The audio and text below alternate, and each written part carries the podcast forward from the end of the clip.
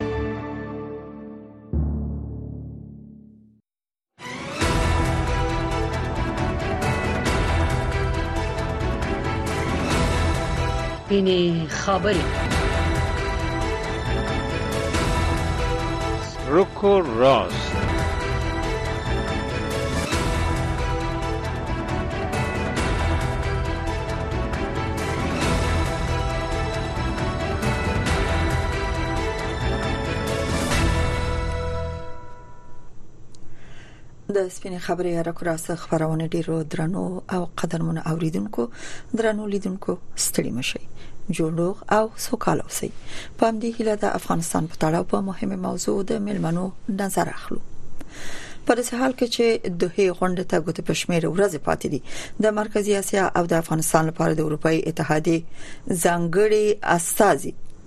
البته ځانګړو استادو د مرکزی اسیا د هیوادونو سره په ګډه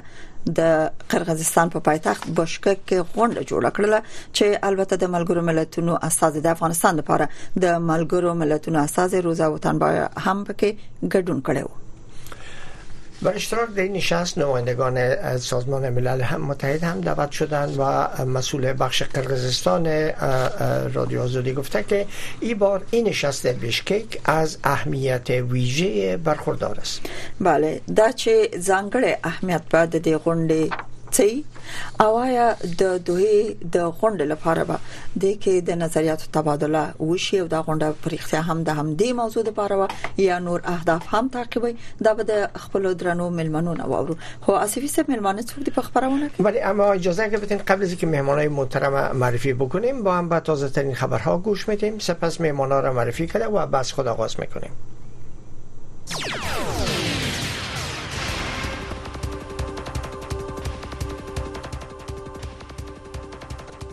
درنو او محترم اوریدونکو السلام علیکم پام وکړئ د دې سات خبرونو ته ویاند غرزنګ د افغانستان لپاره د ایران د جمهور رئیس ځانګړي استازي او په کابل کې دغه هیواد سفیر حسن کاظمی قومي ویلي چې د طالبانو حکومت د دوه پر روانه غونډه کې د خپل پلاوي د ګډون لپاره دوه مهم شرطونه ایښي دي حسن کاظمی قمی د چهارشنبه په ورځ د فبرورۍ په 14مه د ایکس په ټولنیزه شبکه کې پرته لدی چې د دغه شرطونو په اړه معلومات ورکړي لیکلي دي چې دا یو ښه فرصت دی ښاغلی قمی لیکلي چې سرپرست حکومت په دوحه کې د خپل ګډون لپاره دوه مهم شرطونه اعلان کړل چې دا یو ښه فرصت دی معلوم بشي چې دا وړاندیز موندل منصفانه لار د تعامل لپاره چې د غونډې تر اهداف لاندې راغلي څومره جدي دي ټاکل شوې د ملګرو ملتونو د عمومي منشي انتونیو ګوتي ریش په بلنه د افغانستان لپاره د یو شمېر هېوادونو د ځانګړو استازیو او ځینو نړیوالو سازمانونو د استازیو دویمه مشورتي غونډه د قطر په پایتخت دوحه کې د فبرورۍ د میاشتې په اتلسمه او نولسمه نېټه جوړه شي. د امریکا د متحده ایالاتو د استازو د مجلس د بهرنیو اړیکو کمیټې ویلي چې ټاکل شوې د پنځشنبې په ورځ د فبرورۍ په 15مه به د افغانستان د سولې لپاره د امریکا د متحده ایالاتو پخوانی ځانګړی استازی زلمی خلیلزاد د امریکا او طالبانو ترمنځ د دوه د هوکړې د نه پلي کېدو د عواملو په اړه دغه کمیټې ته معلومات ورکړي دغه کمیټې د سې شنبې په ورځ ناوخته د فبرورۍ په 14مه په خپل انټرنیټي پاڼه کې لیکلي دي چې ټاکل شوی زلمی خلیلزاد به هم په استعمایه غونډه کې د شاهد په توګه برخه واخلي دا غونډه د پردې شاته د بایډن ادارې څنګه د دوحې هوکړه عملي نه شوای کړای تر نامه لاندې په دوحه کې د ملګرو ملتونو د عمومي منشي انتونیو ګوتیریش په کوربتوب د افغانستان د وضعیت په اړه د بحث لپاره د دویمې مشورتي غونډې د جوړېدو په درشل کې جوړېږي.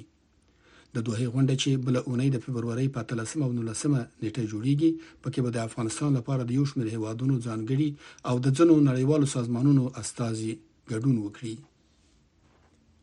د ناټو عمومي منشي ینس سټولتنبرګ د چهارشنبه په ورځ د ناټو سازمان د غړو لخوا د مالی تمویل هڅې وستایلې او ویل چې اروپאيي هیوادونه او کاناډا په خپل دفاعي بودجو کې تر 600 میلیارډ ډیر ډالر ورزیات کړي دي سټولټنبرګ وویل هیلمن دی چې اتلس نور غړي هیوادونه سږکال د خپل کورني خالص عاید 2 سلنه مصرف کړي د ناتو عمومي منشي دا ارقام په داسې یو وخت کې په عام ډول ښکاره کړل چې د امریکا پخوانی جمهور رئیس ډانلډ ټرمپ چې د سږکال جمهوري ریاست ټاکنو ته کاندید دی د همدې اونۍ په پیل کې وویل چې که هغه بیا انتخاب شي امریکا به پر هغو هیوادونو د برید په وخت کې دفاع لازمي ونه ګڼي چې د دغې دفاعي بودجې لپاره خپله برخه نه وي ورکړې د فلسطیني ادارې ولسمشر محمود عباس د چهارشنبې په ورځ د فبرورۍ په څوارلس مه چې د سلواغې له پنځه ویشت مې نېټې سره سمون خوري د حماس پر وسله وال ډله غږ وکړ چې د ناوړه پایلو د مخنیوي په خاطر ژر تر ژره د غزې په اړه هوکړې ته ورسیږي نور تفصیل زما د همکارې نذرانه یوسفزۍ څخه واورئ د فلسطین رسمي خبري اژانس وفا د رپورټ په اساس عباس وویل، موږ د حماس په غورځنګ غږ کوو چې زر تر زره د بندیانو معامله بشپړه کړي تر څو خپل فلسطیني خلک د یو بل داسې ناورین نه وژغوري چې پایلې به یې د 1948م کال د نخبه نه ډېرې خطرناکې وي. ښاغلي عباس د اسراییلو د رامنځته کېدو د وخت هغې جګړې ته اشاره وکړه چې له کبله یې اووه سوه شپېته زره فلسطینیان له خپلو کورونو تېښتې ته مجبور شول. د عباس په مشرۍ فلسطیني اداره چې په نړیواله کچه په رسمیت پیژندل شوې، دا اونۍ د حماس او اسراییلو ترمنځ د اوربند په هغو مذاکراتو کې برخه نه لرله چې مصر یې کوربتوب کاوه. نذرانه یوسفزۍ، امریکا غږ، واشنګټن. خبرونو ته ادامه ورکوو. د ترکیې جمهور رئیس رجب طیب اردوغان د چهارشنبې په ورځ مصر ته تللی او د خپل سیال عبدالفتاح السیسي سره یې کتلي، څو د سیمې د دغو دوه ځواکمنو هېوادونو ترمنځ اړیکې بېرته ورغېږي. دا له دوه زره دوولسم کال وروسته قاهرې ته د جمهور رئیس اردوغان لومړنی سفر دی. دی وايي، په خپلو خبرو کې به په غزه کې د اسراییل په عملیاتو تمرکز وکړي. ټاکل شوې ده مشران د چهارشنبې په ورځ ناوخته یو ګډ خبري کنفرانس هم ولري. په مصر کې د دوه زره دیارلسم کال د کودتا څخه وروسته چې د اخوان المسلمین د ډلې د ناکامېدو سبب شو، د دواړو هېوادونو اړیکې خړپړې شوې وې. نن چهارشنبه په هند کې بزګران د دویمې ورځې لپاره په مظاهرو کې د پولیسو سره لاس او ګریوان شول. په لسګونو زره بزګرانو د مرکز نوي ډیلي پر لور لاریون کړی او د حکومت نه غواړي چې د هغوی د کرهڼیزه محصولاتو بیې تضمینې کړي. په مظاهرو کې پولیسو د پنجاب او هریانا ایالت په سرحدي سیمه کې په لاریون کوونکو اوښکې بهونکی ګاز هم کارولی دی او دا هم یو سپورتي خبر د افغانستان او سریلانکا ترمنځ د کرکټ د دریو ورځنیو لوبو په وروستۍ سیالۍ کې د افغانستان لوبډلې د چهارشنبې په ورځ د فبرورۍ په 14مه چې د سلواغې له 15مې نیټې سره سمون خوري کوربه لوبډلې ته د 218 منډو هدف وټاکه د سریلانکا په کینیډي کې افغانستان د دغه لوبې په چوغه ټله او د او د لومړۍ توپ وهنې پریکړه یې وکړه د افغانستان لپاره پرانیستونکي توپ وهونکی رحمان الله ګربز له 48 منډو او ابراهیم زدران له 14 منډو کولو وروسته وسوځیدل دا و زموږ د دې ساعت خبرونه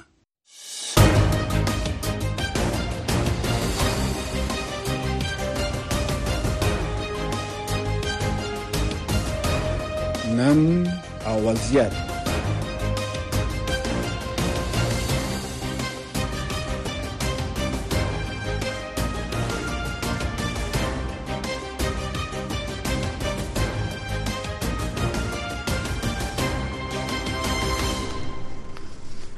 درنو اوریدونکو مننه چې تر دې شی به ملتیا وکړه د امریکا غږ آشنا رادیو د سپین خبري هر کراس په خبرونه کې د سیمه او نړۍ خبرونه واوریدل د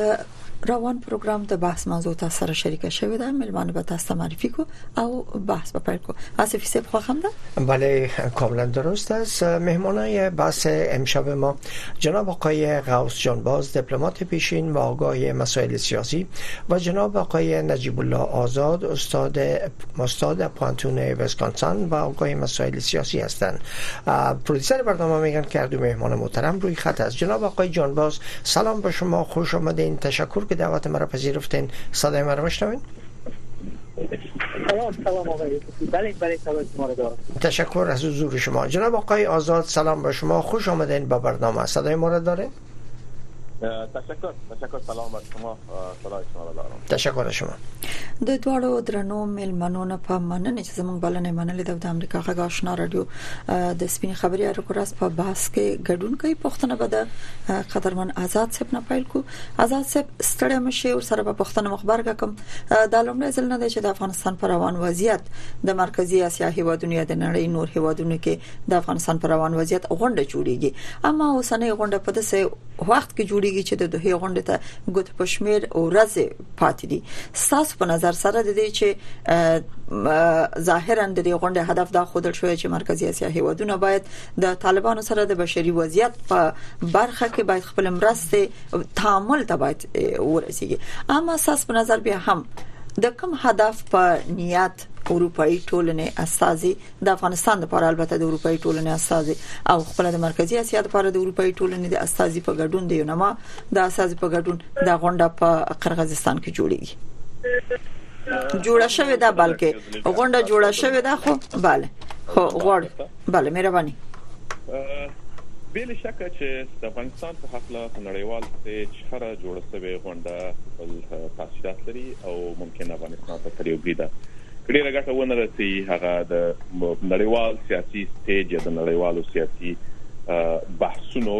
موضوع ګرځي دا چې قزاقستان کې په داسې وخت کې په داسې مهال کې تاسو خپل راپور کې وایي خپل خبرې کې یادونه وکړه چې دا غونډه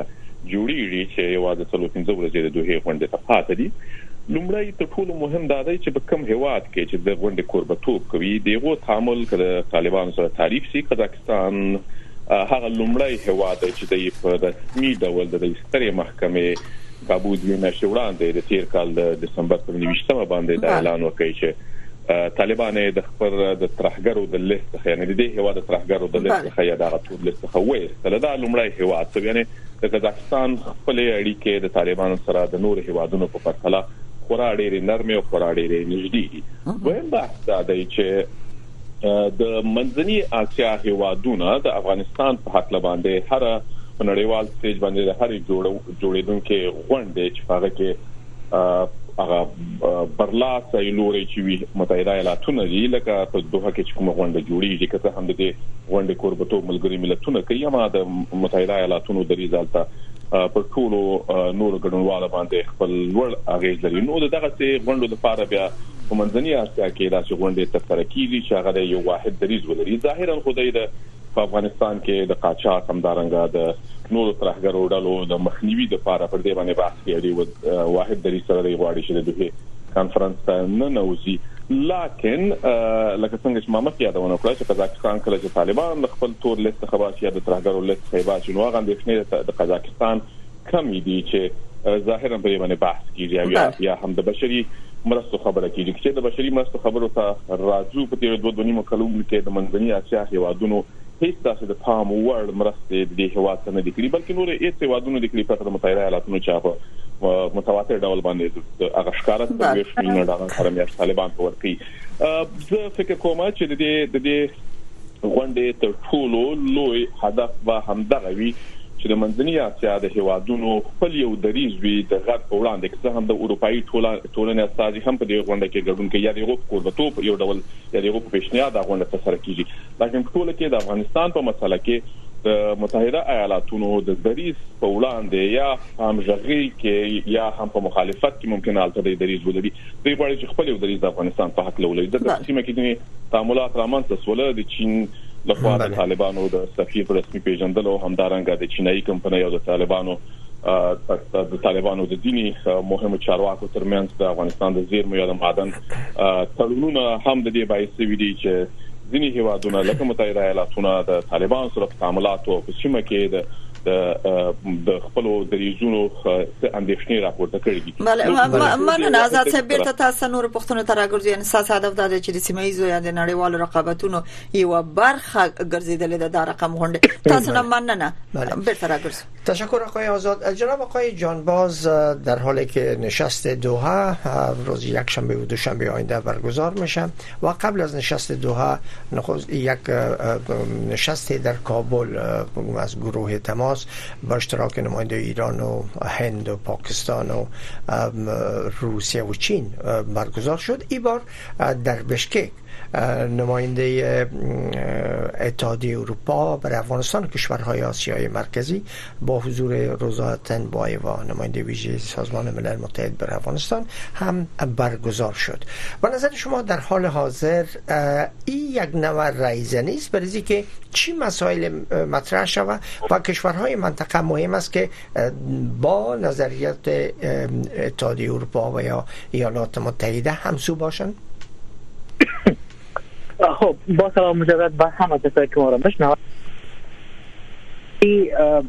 اول خو امی مکان که انتخاب شده بشکک پایتخت قرغزستان ای وطن روز اتنبایو اتنبایو بله. نماینده یوناما در کابل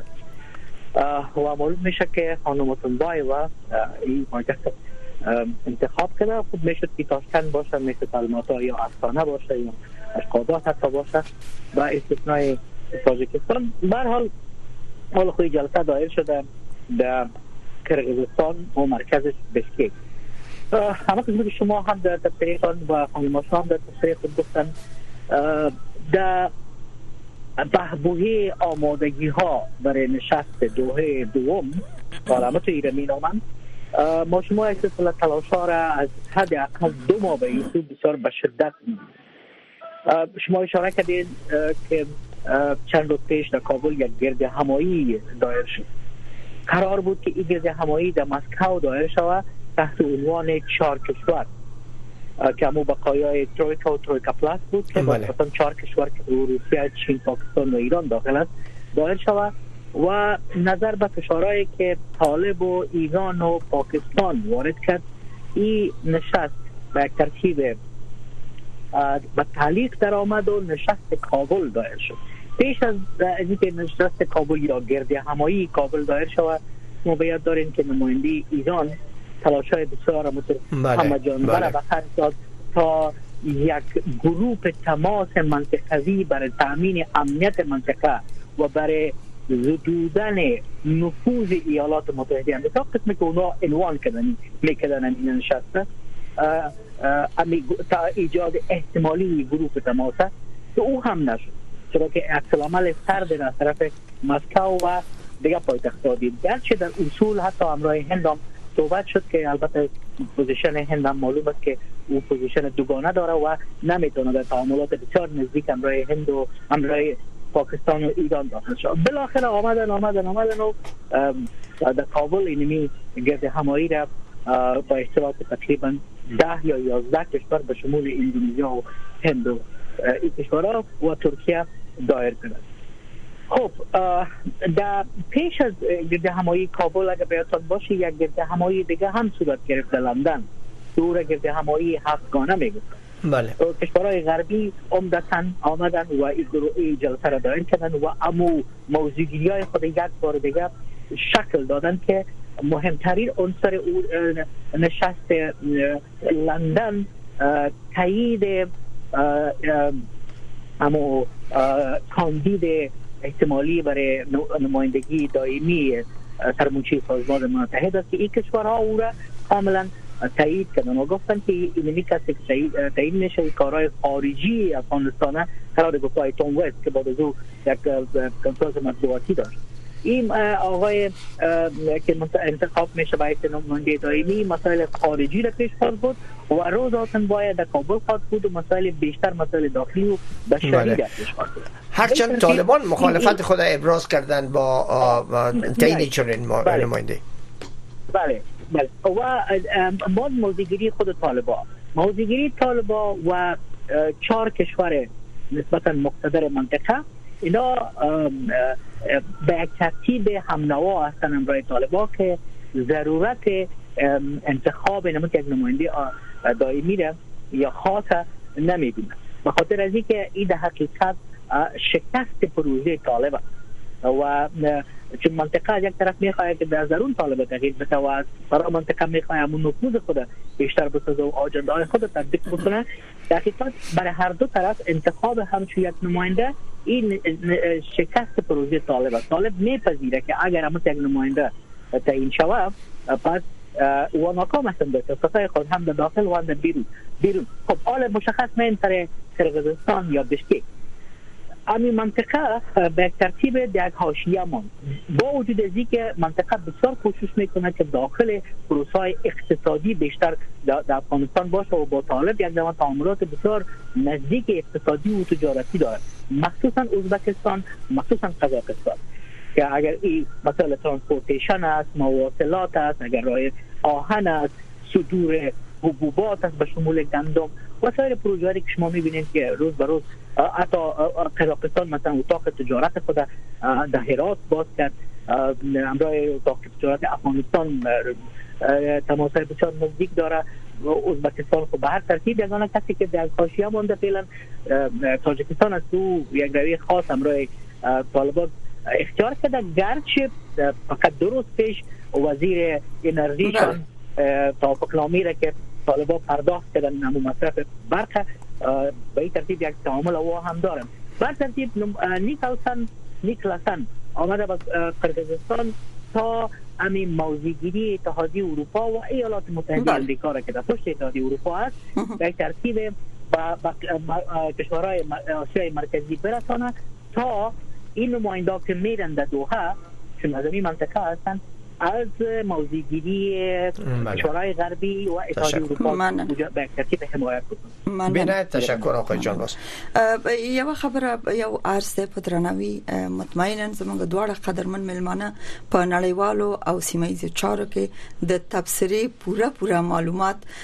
او د موضوعاتو د تعقیب او د څار او د ټول سیاسي وضعیت جریاناتو کې خو زمونږه هیله دا ده چې دغه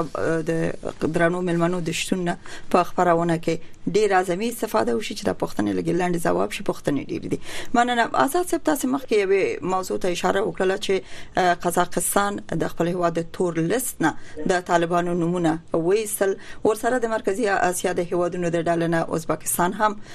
په ازبکستان کې د افغانستان سفارت طالبانو ته په حساب سپارل شوې ده او اوس د یو ځانګړي تعامل غوښتونکو هم دي چې تاسو او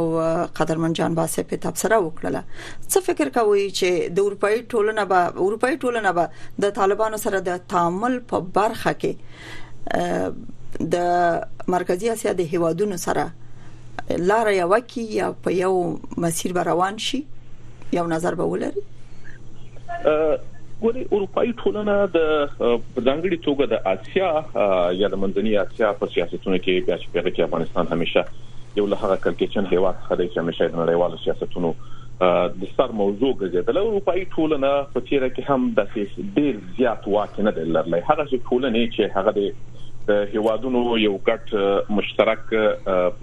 ټولنه یا مثلا یو ګډ مشترک پلیټ فارم رامنځته کی په هغه کې د ریزونه همیشه د هیوادونو مختلف پاتې شوی دي لکه هیوادونه په ځانګړي توګه کله چې موږ د آسیا د منځنی اسیا هیوادونو ته راځو نو دا بیا خپل رول لري یو خدای منځنی اسیا هیوادونه د افغانستان سره پوله لري د افغانستان ته نږدې پراته هیوادونه دي او د دې ترڅنګ هیواد د خپل بهرنیو پالیسیو لمخې د یو هیواد سره خپل تعامل رامنځته کوي اما دغه سي اتحادیه بیا هغه ځانګړي پالیسی نه لري ځکه بېلابېل هېوادونه دې غوغړي دي او بېلابېل هېوادونه خپل درېځونه لري، که د اروپايي ټولنې پخوانۍ سابقې ته وکتل شي، د افغانستان په وضعیت کې یا په موضوعاتو کې په تېرو شلو پنځه ویشت کلونو کې دی هېڅکله د پام وړ کړنه نه درلوده یا یې نظر نه درلوده، په ځینې بحثونو کې دی برخه اخلي، حتی ملګري ملتونه هم دي توانېدلي چې د نړۍ په لویو لویو قضایاوو کې دی. خپل یو یو واقعي دریز دی ولري بلکې د هوادونو د دریزونو تر اغیز لاندې راغلي نو زه فکر نه کوم چې اروپאי ټولنه د منځني اسیا د هوادونو د دریز سره یا مخالفت وکي او یا د هم په بشپړ توګه امژغي ورسره ولري د یو فیسلیټ د فیسلیټیشن رول لوبوي په ټوله کې د غرب او د منځني اسیا د هغه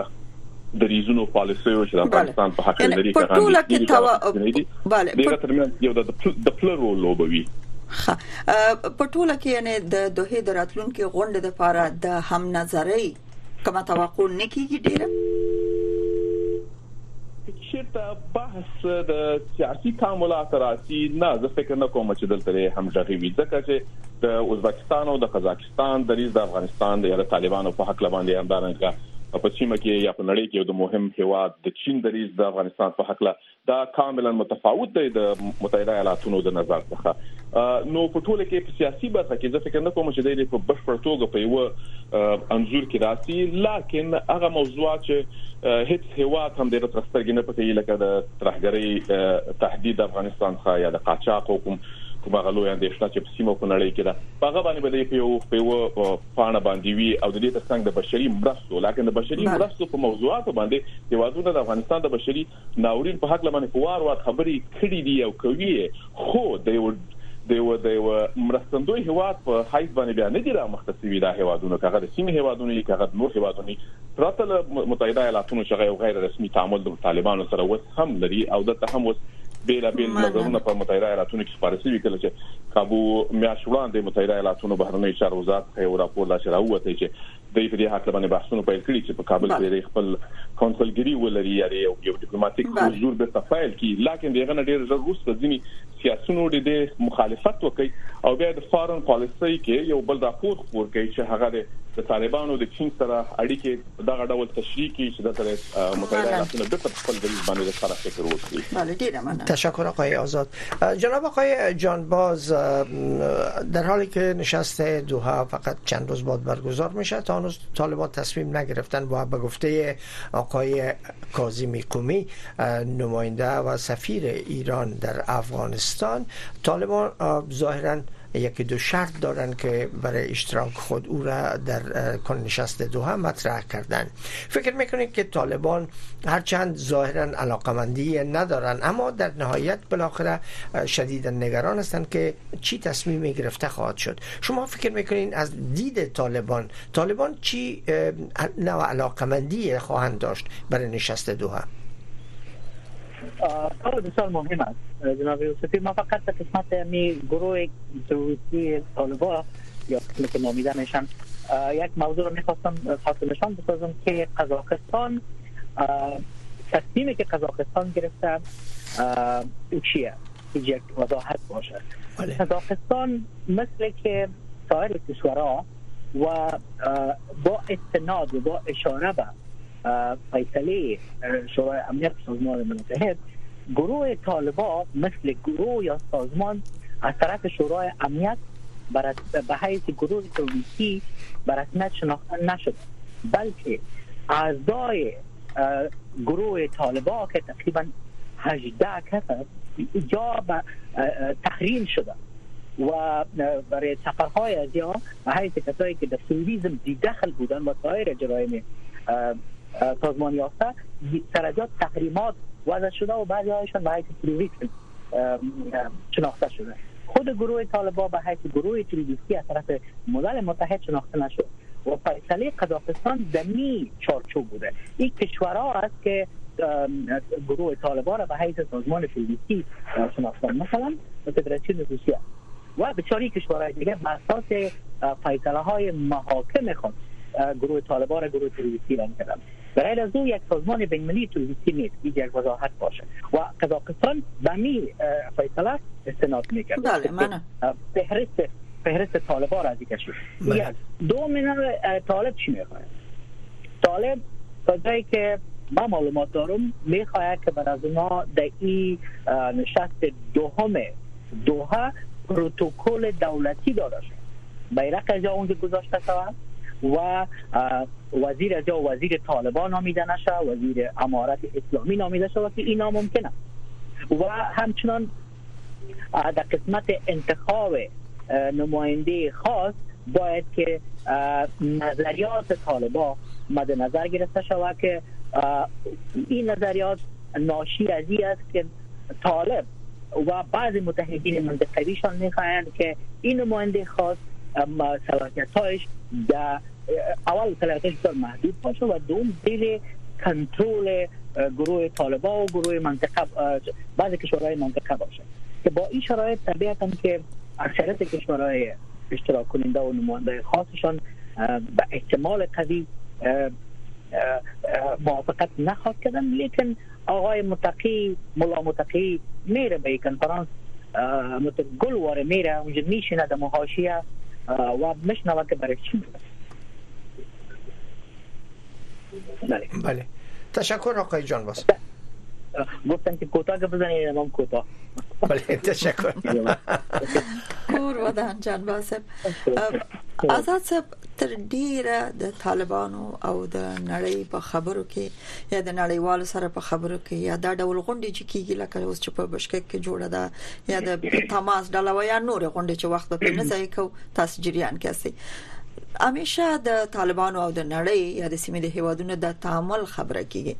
آیا د دوه راتلونکو غونډه چې د بشکک غونډم د دوه د غونډې لپاره د نظریاتو د تبادله یا د یو نظر اخستو یا طالبانو سره د تعامل تقریبا په همدې نوم یا هدف پیدا احساس دی وینا او د جنواس د وینا قرار د سې کومه لار طالبانو سره د تعامل پرانیزي یا د فیصله به وشي ځکه دریم کال د دوی د حکومت راتلونکې ده وخت ډیر تیر شو که د تیرو دونیمو درې کلو کړي واقعیتو ته وکتل سي طالبان په یو ورځ کې ز ډاډه یم چې هغه د نړۍ سره تعامل ته حاضرېږي هغه مهال چې په دې باندې هغه واقعي پر فشار وارد یا هغه د فشار واردولو هوا معلوم دی ښکاره دی د طالبانو د راتګ سره سم یا دوحې د تړون په دوه زره او شل کې چې کوم تړون د طالبانو د متحده ایالاتونو ترمنځ لاسلیک سو او هغه تعاملات غیر رسمي چې د متحده ایالاتونو او د طالبانو ترمنځ دي ټولې نړۍ په ځانګړي توګه د متحده ایالاتونو ایتلافي هیوادونو ناټو چې هغه طبي خبره ده په نړۍ د نړۍ په سیاستونو کې خپل رول لري د متحده ایالاتو تر مشرتابه لاندې د متحده ایالاتو دریځ ته په کتو ته ټول انتظار دي متحده ایالاتونو په تیرو دوه نیمو کلونو کې حتی د د القاعده د مشر د وژل نو ورسته هم د طالبانو په وړاندې خاص دریز نه درلود یا سخت دریز ونه نیو یا حتی د د ولسمشر په خپل مطبوعاتي کانفرنس کې چې زواری وژل اعلانوي د طالبانو یادونه و نه کړله د دې تر څنګ ځینې راپورونه او ځینې قضایاو ته په کتو د متحده ایالاتونو دریځ ته په کتو او ځینې د ځینې کانګرسمنانو او سناتورانو دریځو ته دلته په کتو دا په ډاګه ویلای شم چې متحده ایالاتونه د طالبانو باندې نه هغه سي ډیره بې باور ده او نه هم ډیره خوش باور ده متحده ایالاتونو دغه دوه دنیم کاله د پریخي دي چې د کچیر د متحده ایالاتونو د مخالف هیوادونو سره ډیر نږدې کیږي بیا به د خپل دریز بدلوي که نن هم متحده ایالاتونه غواړي چې مثلا په افغانستان کې د بشري حقوقو ته درناوی وشي په افغانستان کې په ځانګړي توګه د میرمنو د زده کړو د کار اجازه ورکول شي او هغه ډول فشار چې دی په واکه لري وارد کی طالبان د دې نه پرون په دې پوزیشن کې و نه نن په دې پوزیشن کې نه په اقتصادي لحاظ نه په سیاسي لحاظ نه په نظامی لحاظ چې هغه دغه ستر دریز مخالفت وکړي هغه نن هم چې په خپل دریز ولاړ دي د دې د دې خو د متحده ایالاتونو د خو نرمښت خودل سوالي په ټوله کې په دغه نړیوال سټیجونو باندې زه فکر نه کوم کله چې دغه یو ډول د د خپل پالیسیو لمخې یو دغه په ښکارا یا مثلا د نمایشي غونډې جوړیږي په هغه کې د طالبان خپل تعاملات یا د نړۍ سره تعاملات حاضر دي اما که په واقعي لحاظ هغه هیواد چې د طالبانو پر اوستو کې د طالبانو په تر اوسه پورې چلولو کې خورا ډېر رول لري په اقتصادي او سیاسي او نظامی ډول باندې هغه خپل دریس کې تغیر راولي طالبان د یوې ورځې د د مقاومت کغه سیاسي وي که نظامی وي اقتصادي وي توان نه لري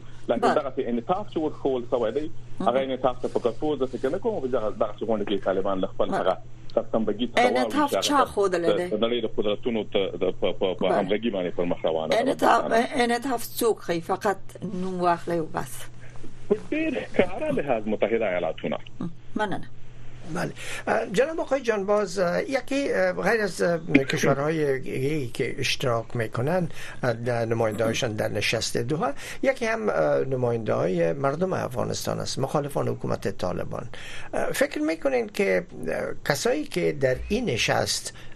حضور خواهند داشت حرفی برای گفتن خواهند داشت و حرفشان آیا با کرسی خواهد چشت؟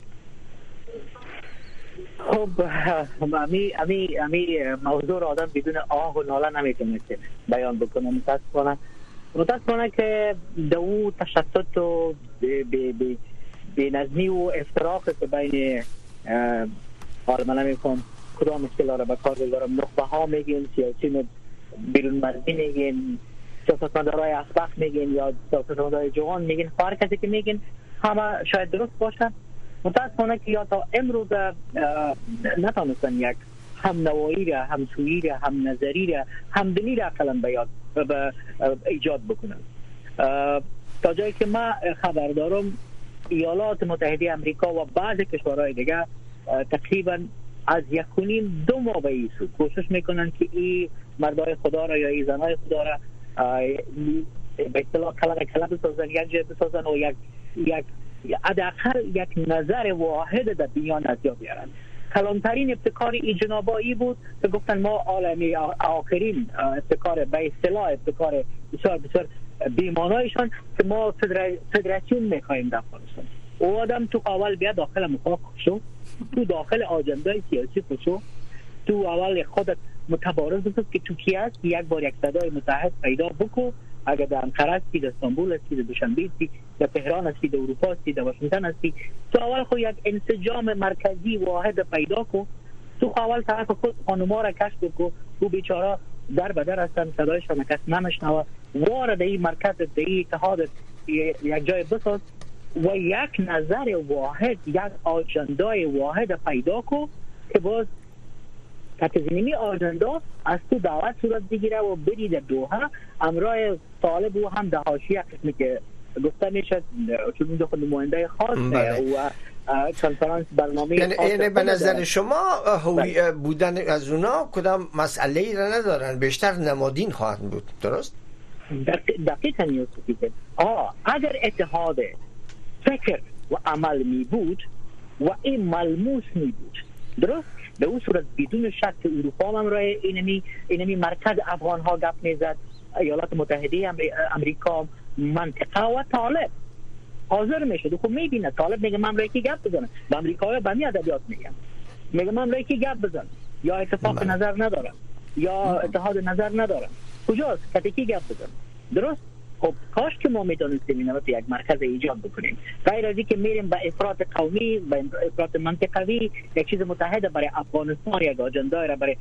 افغانستان متحد یک, یک, یک, یک روایت ایجاد کرده نمیتونیم بیتفاقی ما را روز تا روز بیشتر از یک دیگه جدا میسازه و طالب از این بله. استفاده میکنه بله. یگانه کسی که نفع میبره طالب است و نون نیروهای دیگه در منطقه که بینظمی در افغانستان میخواین دوامدار بسازن متاسفانه تشکر خواهی جان صدای از یاره کسی متاسفانه شاید برم کسای در اشتراک کنن مخصوص میشم که هر کسی که میره در بره حداقل اقتدا بلند شود ولی نتیجه چی خواهد بود این سوال تشکر مننه جان واسب آزاد صاحب روسیه هم وخت نا وخت د افغانستان په تړاو غونډې جوړې کړې دي یعنی په مسکو کې غونډې جوړې شوې دي اوس مرکزی اسیا هیوادونه چې سره ټولېږي او غونډه جوړې د افغانستان په اړه خبرې کوي ستاسو د وینا له قراره چې د سید بشري وضعیت په برخه کې یا د بشري مرستو په برخه کې د سید پام وړ څه نه دی کړی نو د دوی تشویش د کوم اړخ نه دی د افغانستان چې هغه به راتلونکو نورو غونډو کې یا د لکه د دوه غونډې په څیر غونډو کې د موضوعات جدي مطرح شي که یوازې د سیمه ییزو او نړیوالو رقابتونو ته په کتو د یو بلاک جوړول دي یا یو ځانګړي تعامل ته لار برابرول دي تاسو څه وایي ګوره اغلی آشنا تیرو شل کلونو ته په کتو کله چې الته د افغانستان جمهوریت دولت وو او د افغانستان په قضایاو کې په نړیواله کچه باندې ناسې تر سره کړي به خېډې ناسې په هغه کې وسوي په روسیا کې وسولې همداسې په منځنۍ اسیا هیوادونو کې وسولې او بیا د طالبانو دراتګ څه هم دا ناست یادي جریان لري حتی په چین کې وسولې یعنی په اسیا او جنوبي اسیا او منځنی اسیا کې وسولې لکه نیو ناسته کله چې په دوحه کې د متحده ایالاتونو طالبانو ترمنځ وسوله هغه پریکړه وکړه دغه هیوادونو دغه ناستې په یعنی تیرو ناستو ته په کتو او لسګونه ناستې چې د تیر شل 25 کلونو کې حتی د اسیا د اسیا ځله چې ډیر مهم ناستې دي هغه کې ناستې چې ویلي چې افغانستان جمهوریت اسلامي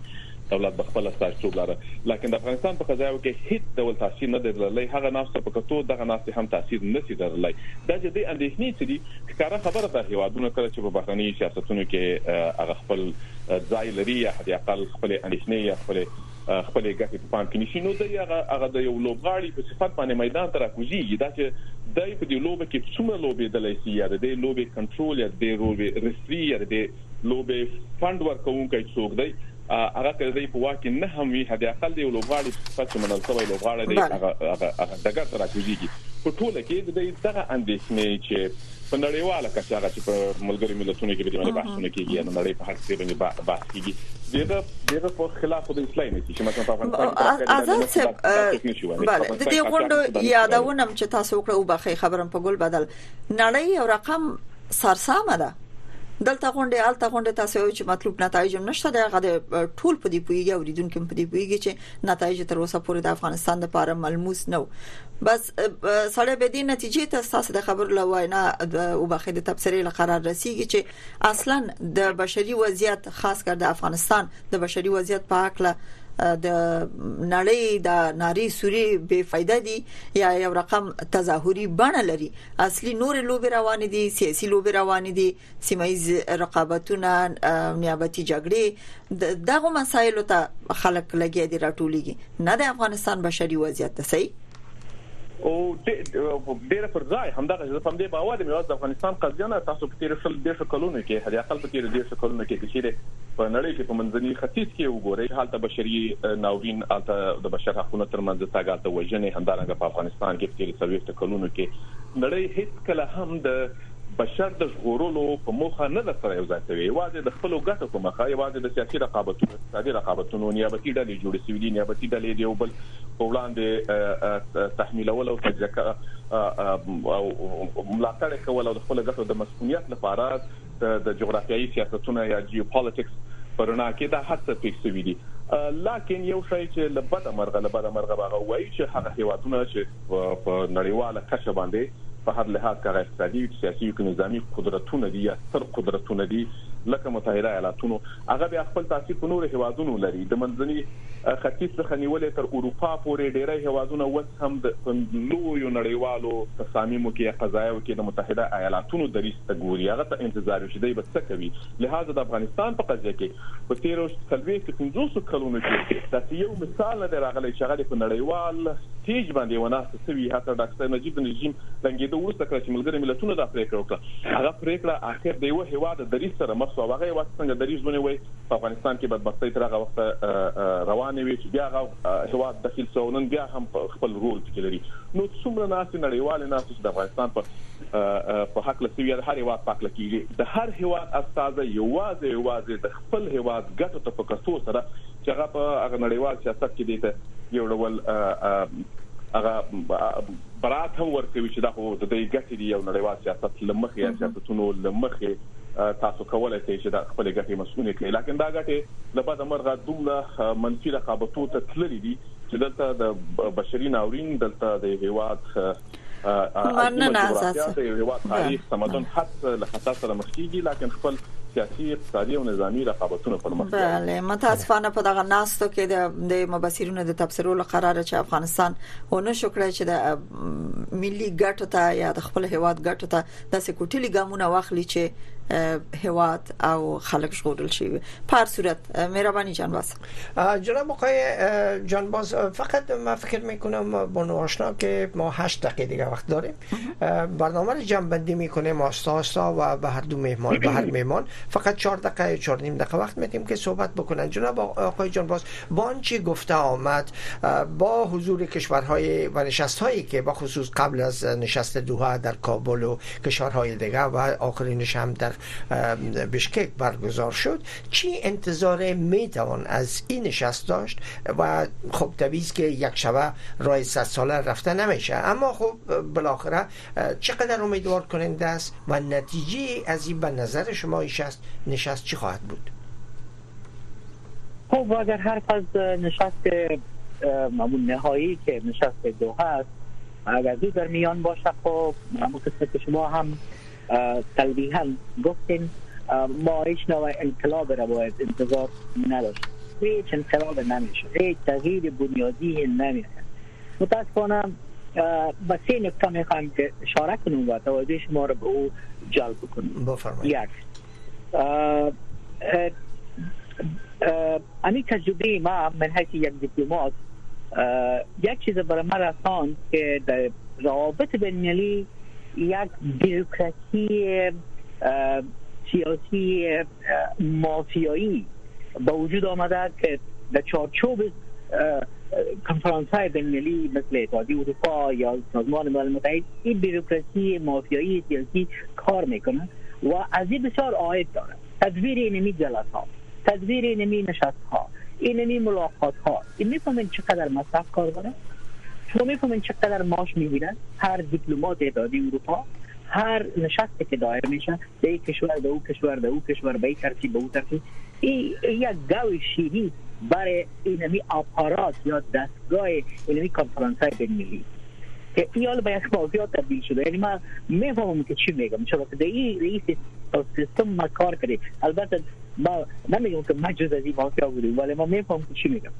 یاد دو می دیگر فکر میکنی که دوستم آزاد سلام اشاره کرد و ما هم بارها به اشاره کردیم که هر کشور بر مبنای منافع اولیای ملی خود عمل میکند این کنفرانس چی منطقوی باشه چی فرا منطقوی باشه یک کشور چی خرد چی کلان چی متوسط به اندازه یک بیشتر نکرد از از منافع ملی خود عدول نمیکنه هیچ کس عاشق افغانستان و افغان ها نیست نکته اساسی که مهم است او که کاش کاش افغان ها میتونستن به یک فرمول متحد بله. برسن به یک هم نظری و همدلی برسن به اون صورت بدون شک هم منطقه و هم فرا منطقه مکلف میشد مجبور میشد که با ما با با, با یک مدار از مدارا کار بگیرن و منافع واحد ما را در نظر بگیرن و میبینن که در کابل یک گروه متحجر به نام طالب حاکم و و همچنان میبینن که کسایی که در مخالفت با طالب قرار دارن هیچ نوع وحدت از نظر ندارن و ای به نفعشان است برای بعضی ها اینمی تداوم اینمی بینظمی تداوم اینمی عدم هم نظری از این نفع خود میبینن که ما به شما اشاره کردم ها اگر وقتی که مثلا کار به استخوان میرسه و باز میفهمند که ایجا میتونه به کشورهای خودشان خطر باشه حالا امی قطعنامه آخر شورای امنیت سازمان ملل درباره افزایش و داعش و القاعده و این گپا یاد کردن مثلا یک ماه پیش چرا می گپ نمیزدن ما خو می گپ میزدیم اما یک ماه پیش وضعیت تاوریدگی بود حالا خود دوحه دایر میشه باید طالب دیگه هم زیر فشار قرار بگیره بله. خب ما خودی روز آمیگه پا میزدیم درست؟ اما ما کسایی که تعلیم میکنیم مسائل قمیگه پا دی روز آمیزدیم که به اینجا هست گروه های تروریستی دیگه آمد و طالب نظر به فطرت خود دیگه کار کرده نمیتونه غیر از که استبداد کنه ترور کنه مردم خود است این خب ما دیر روز میگفتیم یک ما پیش هم میگفتیم چطور شد که ده خطر شورای امنیت متوجه این شد بله. هر حال این که نکته بود که خاتم بله. ساخت ما کدام انقلاب را از این نشست انتظار بله. نداریم نماینده خاص تعیین میشه صلاحیت های شایسته حساب برملا خواهد شد و امو هیتی دایره کارایش هم بهتر معلوم خواهد تشکر آقای جان از حضور شما تشکر ممنون و آزاد صاحب څلور دقیقې وخت لرو چې تاسو پوښتنه ځواب کړئ پوښتنه مې دوه جزء لري اول دا چې د دوه د توافق لمخې طالبان په افغانستان حاکم شول ولې تر نن ورځې پورې چې تقریبا 2 نیم کال شول امریکا طالبان او طالبان امریکا د هغه تعهداتو په نه عملی کولو ملامتای آیا د دوه پر راتلونکو غونډه کې به د څه وشي چې دواړه لوري ځان ملامتای نه وباسي دا یو بله دا چې د استازي د ټاکلو په اړه به هم فیصله کیږي چې د بشکک په غونډه کې هم د دې مسایلو یادونه خامخا شوي څه فکر کوي چې د استازي ټاکل د افغانستان روان وضعیت بدلول شي لومړی خدا چې لبد مرغه کابو بوج د ویش کال وړاندې بوند افغانستان تصمیم ونیو تر هغه وخت و چې بیا دوه ځایناست سو او د همدې ځایناستي تداوم کې د بیا هم دوه او دوه دوه او امر پریکړې کیږي د طالبانو سیاسي دفتر هغه ته ګیټسنو او همدارنګه د متحده ایالاتونو په دوه کې د غناسي جوړول که څه هم ظاهرا دی د ملګرو ملتونو د کوربتوب نوم ورکړی دی په دغه ناسته کې زه فکر کوم چې یو له ټولو لوی هدف به تر یو بریده پورې لکه د متحده ایالاتونو د هیواد په څیر هدف به دا وي چې د د سیمې د هیوادونو یو ډول رسمي دریزونه د آن د ریکارډ د ځان سره خپل کی هغه که هر دریز وي ځکه هیوادونه په بیلابیلو وختونو کې د خپل پلیټ فارم د افغانستان په حق باندې خپل دریځ لري یا خپل خپل خپل ویناوي یا تعاملات طالبان سره دي لکه په دغه ناسته کې به یو مجموعي آن د ریکارډ د کړتوي دریځ د هر هواد راوخیل شي او دغه پر رڼا کې بیا کوي خبره ده چې که سبا که سبا کوم هواد مخالفت کوي د متحده ایالاتونو یا د ملګرو ملتونو له دریځ څخه چې متحده ایالاتونو څخه شیلاندې نه ده آن د ریکارډ ناستې یا یا ویناوې به یا تلویزیون به ریکارډ شوی دویم بحث دا دی چې تاسو د پښتنې بل برخه چې آیا د ملامتیا وی طالبان او متحده ایالاتونو د دوه د تړون وروسته یو په بل اچوي د دې ترمنځ خورا ډېر ډېر ښه تعاملات روان دي د دې ترمنځ په وار وار ډېر په تېرو دوو دوه نیمو کلونو کې د دواړو هېوادونو استخباراتو یا د طالبانو او د متحده ایالاتونو استخباراتي مشرانو ناستې سره کړې دي، همدارنګه اقتصادي مرستې وروانې دي، پیسې وروانې دي، نو هغه ظاهري یا یا رسنیزې ادعاوې هغه یوازې د دې لپاره دي چې ګواکې دواړه طرفین یو د بل مخالفت یو د بل مخالفین ځان وښیي او د دې ترڅنګ طالبان هم دا دا ادعا وکړي چې دوی د خپلواکي دي او د متحده ایالاتونو تر تاثیر لاندې نه دي چې په بشپړه توګه غلط نو هغه رسنیزې ادعاوې دي په ټوله کې په عملی ډګر کې ځمکني واقعیتو ته په کتو سره د نه هغه ته ملامت دی هغه نه دی ته ملامت دی د خورا یو ښه پروتوکول لمخې دواړه خپل تعهدات ته په درېدو هغه پریکړه چې کړې او هغه چې وکړه د افغانستان جمهوریت نظام لمنځه ولاړی او دا راغله او هم دا پریکړه سوي و دا چې د دوی د تر ځانګړی استاد ټاکل کیږي کنه زه فکر کوم چې دا به د دوه په ناسته کې دا یو څه ژر وي ځکه تر اوسه پورې هم هغه ډول چې د پښکارا ظاهرا د هیوادونو دریز طالبانو په حق لاو د طالبانو کړو وړو ته په کتو د طالبانو دولتداري حکومتداري دیغو بشري حقوقو ته درنښت یا د نړۍ سره د تعامل یا د نړۍ سره تک ته په کتو لا به ډېر ژر وي چې یو ځانګړی استازی دې وټاکل شي، اما لاره دې ته هوارېدل دي چې طالبانو سره نور تعاملات وشي او طالبان هم فکر کوم دې ځای ته اوس رارسېدلي دي چې په همدغه څه رقم چې دي همدغه رقم دی په یو رقم نه یو رقم بله آزاد صاحب یو یو دیش ثانیې وخت لرو مثلا که مرکزی اسیا هیوادونه وغواړي چې طالبان سره یو تعامل ته ورسیږي څه به څه ډول تعامل بغواړي دیش ثاني وخت لري زه فکر کوم همدغه تعامل چې لوړاندې د منځنۍ اسیا هیوادونو لري هغه د طالبانو سره تر ټولو ډېرې نږدې اړیکې یعنی په دې معنی چې تاسو راته خورا ډېر عادي دی هغه کسان چې په تور لیست کې وغل لیست کې خپل سوي دي ځینې اقتصادي تړونونه ترمنځ تا او او په ځینې ژمنې هم سوي دي هغه په ترهګرۍ په وړاندې یعنی مشخصا دغه د لوړاندې چې منځنۍ اسیا هیوادونو تر خطر وي طالبان وغوښتل دا وکړي چې دا دلته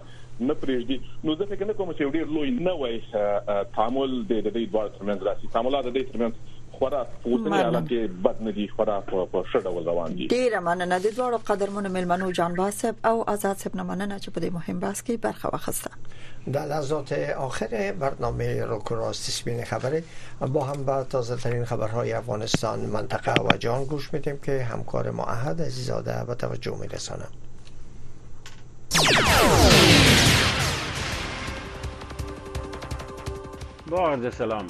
احد عزیزاده هستم از رادیو آشنا صدای امریکا با اخبار افغانستان منطقه و جهان تا این ساعت کمیته روابط خارجی مجلس نمایندگان کنگرس ایالات متحده گفته است که روز پنجشنبه 15 فوریه نشستی را در درباره چگونگی تطبیق توافقنامه دوحه میان امریکا و طالبان برگزار میکند بر اساس معلومات این کمیته قرار است که زلمه خلیلزاد نماینده پیشین ایالات متحده در امور افغانستان نیز در این جلسه استماعیه به حیث شاهد حضور یابد این جلسه تحت نام پشت پرده چگونه دولت بایدن نتوانست توافق دوها را اجرا کند در آستانه برگزاری دومین نشست ملل متحد در دوها درباره افغانستان برگزار می شود سخنگوی وزارت خارجه ایالات متحده گفته است که نماینده ویژه ایالات متحده برای افغانستان و رینا امیری نماینده ویژه وزارت خارجه ایالات متحده در امور زنان، دختران و حقوق بشر در افغانستان در نشست دوحه که در مورد افغانستان برگزار می شود اشتراک خواهند کرد. متیو میلر اصر سه شنبه به وقت شرق ایالات متحده گفت این دو نماینده امریکا برای افغانستان در ماه می سال گذشته نیست در آخرین نشست منشی عمومی سازمان ملل متحد در دوها شرکت کرده بودند میلر همچنان بار دیگر با جدیت تاکید کرده که واشنگتن از تعیین یک نماینده ویژه ملل متحد برای افغانستان حمایت می کند و از منشه عمومی سازمان ملل متحد می خواهد تا در اسرع وقت یک نماینده ویژه را برای افغانستان تعیین کند یک روز پیش جان کربی مشاور امنیت ملی قصر سفید گفت که پالیسی ایالات متحده در قبال طالبان تغییر نکرده است رن کراکر سفیر پیشین ایالات متحده افغانستان و پاکستان میگوید که نشست آینده دوهن نمیتواند حکومت طالبان را مشروعیت بدهد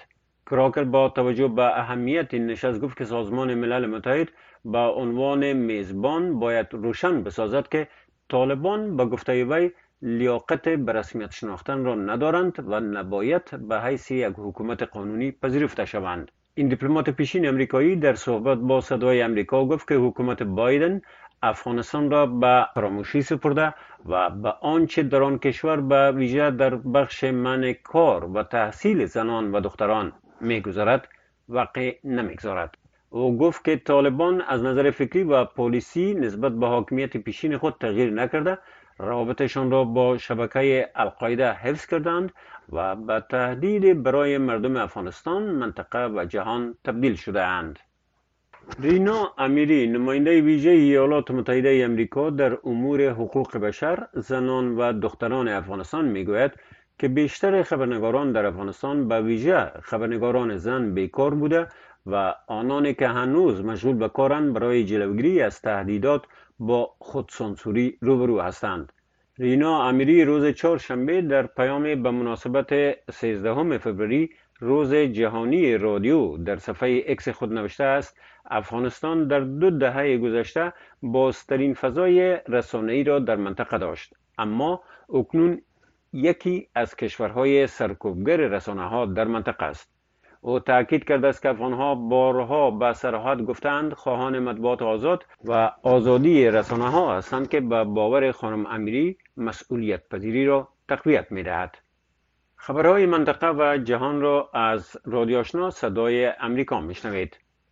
اردوی اسرائیل امروز چهارشنبه گفت که در یک حمله راکتی از خاک لبنان بر شهر سفت در شمال اسرائیل هشت نفر مجروح شده اند. اسوشیتد پرس به نقل از اردوی اسرائیل گزارش میداد که حدود ده مرمی راکت بر شمال آن کشور شلیک شده است که یک پایگاه نظامی در آن منطقه هدف قرار گرفته است حزب الله لبنان و سایر گروه های فلسطینی به گونه فوری در این خصوص ابراز نظر نکرده اند. شهباز شریف صدر پیشین پاکستان روز سه شنبه 13 فوریه پس از آن به حیث نامزد کرسی صدارت کشورش معرفی شد که احزاب عمده پاکستان از نامزدی وی حمایت کردند